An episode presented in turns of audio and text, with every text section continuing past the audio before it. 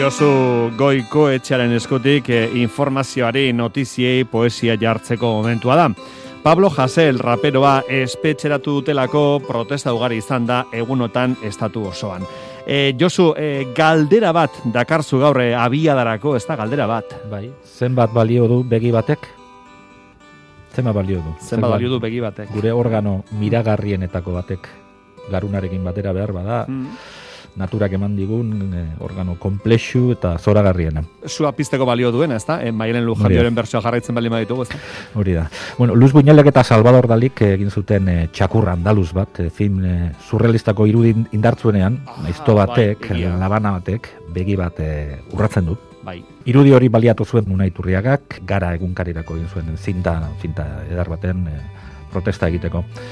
Horixe, ba, Bartzelonan, ba, Pablo Jaselen e, kartzeleratzaren kontrako manifestazioan, ba, poliziak begiak enduzion, emeretzi urteko gazte bati. Zenbat balio du begi batek? Manifestazio batera bagoaz, eta joango gara, gaur espada bihar, edo amar urte barru, manifestazio batera bagoaz, begia galtzeko arriskua dugula onartu behar dugu, bueno, ba, gaur begia izango dugu astelen e, poetikoko protagonista. Hasiko zara Joan Margaritekin. Bai, Joan Margarit eh, ona ekarri dut inoiz, eh, poema pare bat irakurri ditu dala, pasan astean hilda laro bi urterekin, eh, bueno, poeta katalan eh, laudatua oso famatua, eh, zaritua, eta irakurria, batez ere irakurria. Eh, bueno, eh, zer da begia Margaritentzat, ba, gaztetako Paris hartara Parisen bizi izan zen, egon izan zen eh, Margarit, eta Paris hartara itzuli den Joan Margarit zaharrarentzat begia, memoria da. Tau poema hau da, irurogeita sortziko maiatza. J'avoue, j'en ai bavé pas vous, mon amour. Itzuli nahi zen eurizko Parisonetan, horbela besterik ez dut aurkitu arrastaka doa zorriok asfaltozko bulebarretatik, beinola galtzadarri arrosadunak, ordena publikoak belztu zituen arte. Hemen datza sugarretan kantagintza frantsesaren zerraldua.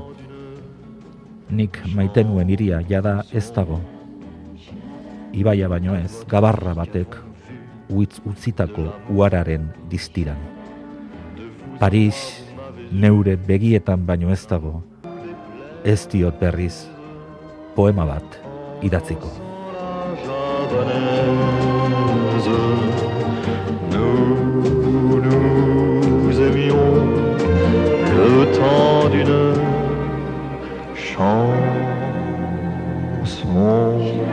Chanson Gainsbourg, ez da? Hori da, Serge Gainsbourg. Hori da. Bai, chansonaren eh, bueno, ikurretako bat, eh, garreleta honek hauekin. E, bueno, jo margariten poema gehiago euskaraz irakurri nahi duenak, bai. e, armi arma webgune zoragarrian, gure literaturaren gorgailu den armi arman, eta euskarari ekarriak izeneko atalean dauzka, irakurtzeko poema e, gehiago joan margariten. Zoragarri. Mm Eta orain, joan margariti omenaldia egin badiogu, ba, zindugu, aipatu gabe utzi, gure poeta handienetako bat. Justu, hogei urte, Vitoriano Gandiaga, poeta mendatarra izala, bueno, hau nire kutunetako bata. Bai. Ez dakit, nahiko arkabean ezote den pasatu hogei garren urte hurren hau. Hori zen bernizun bai hogei urte, ba, zenbaki borobila da. Borobila da, eh? eta bueno, ez dakit, egia da, urte hurren asko ditugula urtean zehar, bai, baina, bai. eta egia da, ba, gandiaga pixka bat, ez dakit, ez dut ezango astuta, eh? baina, mm bueno, por bat, en, diluitzen ebari den eh, poeta bat ezote dan, ez da? Eta oso indarra handiko poeta da, eta, mm bueno, eh, oso zubilan handia egin zuen, eh, eh, hogei garren mendeko poeten artean, eta poeta garrantzitsua izan da, ezta? Bueno, Ba, egin deza jogun aitortza txiki bat. Aitortza txiki bat egingo diogu. Bai. E, eta begia da sari gara, gandia garentzat, begia bere bizikoa da. Eh, pues, bere poesian.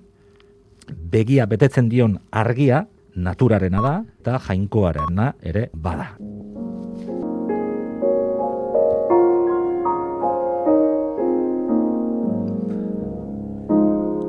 Eguna argitzu denean, argiak hartzen zaitu eta argi bihurtzen.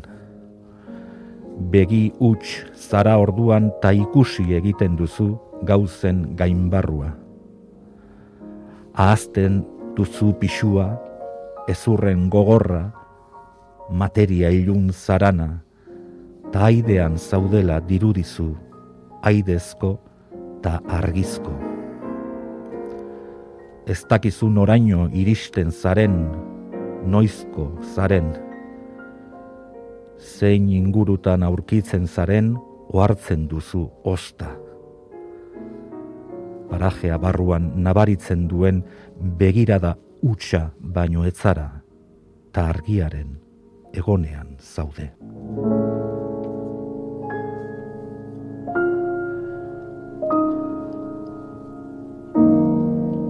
Gerabe dio omenaldi gisa, eh?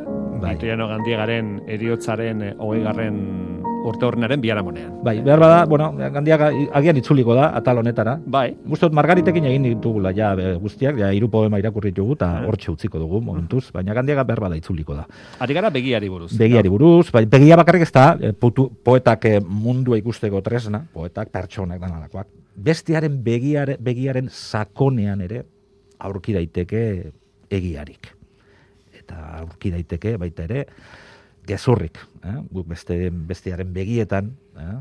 nabaritzen ditugu gauzak ez da, Hmm. borbor bat, Bai. batzutan egia da, beste batzutan gezurrak ere gorretzen ditu borborrek.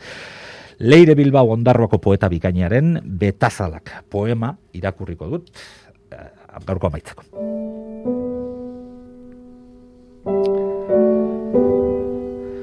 Zabaldu dituzu begiak, itzartu berri denaren usaina daukazu, lo egin duenaren zaporea. Zarratu dituzu begiak, gezurrak jauzika ari zaizkizu betazaletan, eta nik denak sinetsi nahi. Zarratu dituzu begiak isiltzen denaren betazaletan irakurtzen aldelako gordekoa, nola ilotzei begiak zarratzen dizkiegunean hildakoen betazaletan irakurtzen alden esateko zutena, esan gabe laga dutena. Lo egin duenaren usaina daukazu, itzartu berri denaren zaporea, jaio berri bat dirudizu. Gezurrak sinetxi gura dizkizut, ume batek egia zaharrak deskubritzen dituen moduan.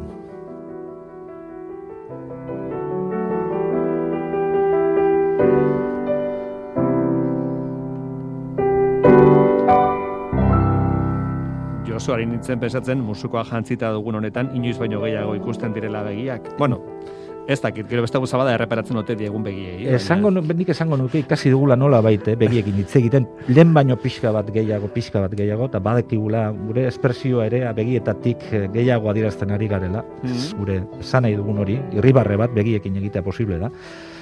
Eta horregatik da hain garrantzitsua begia, ezta? Ja, gehiago inork ez duen galtzen begirik manifestazio batean. Hori da, e, galdera batekin hasi duzu eta galdera hori bukeran ere bota genezake berriz ere zenbat balio du begi batek, ez da.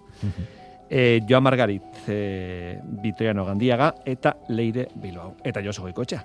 Bardin, hori da. Aio. Agur.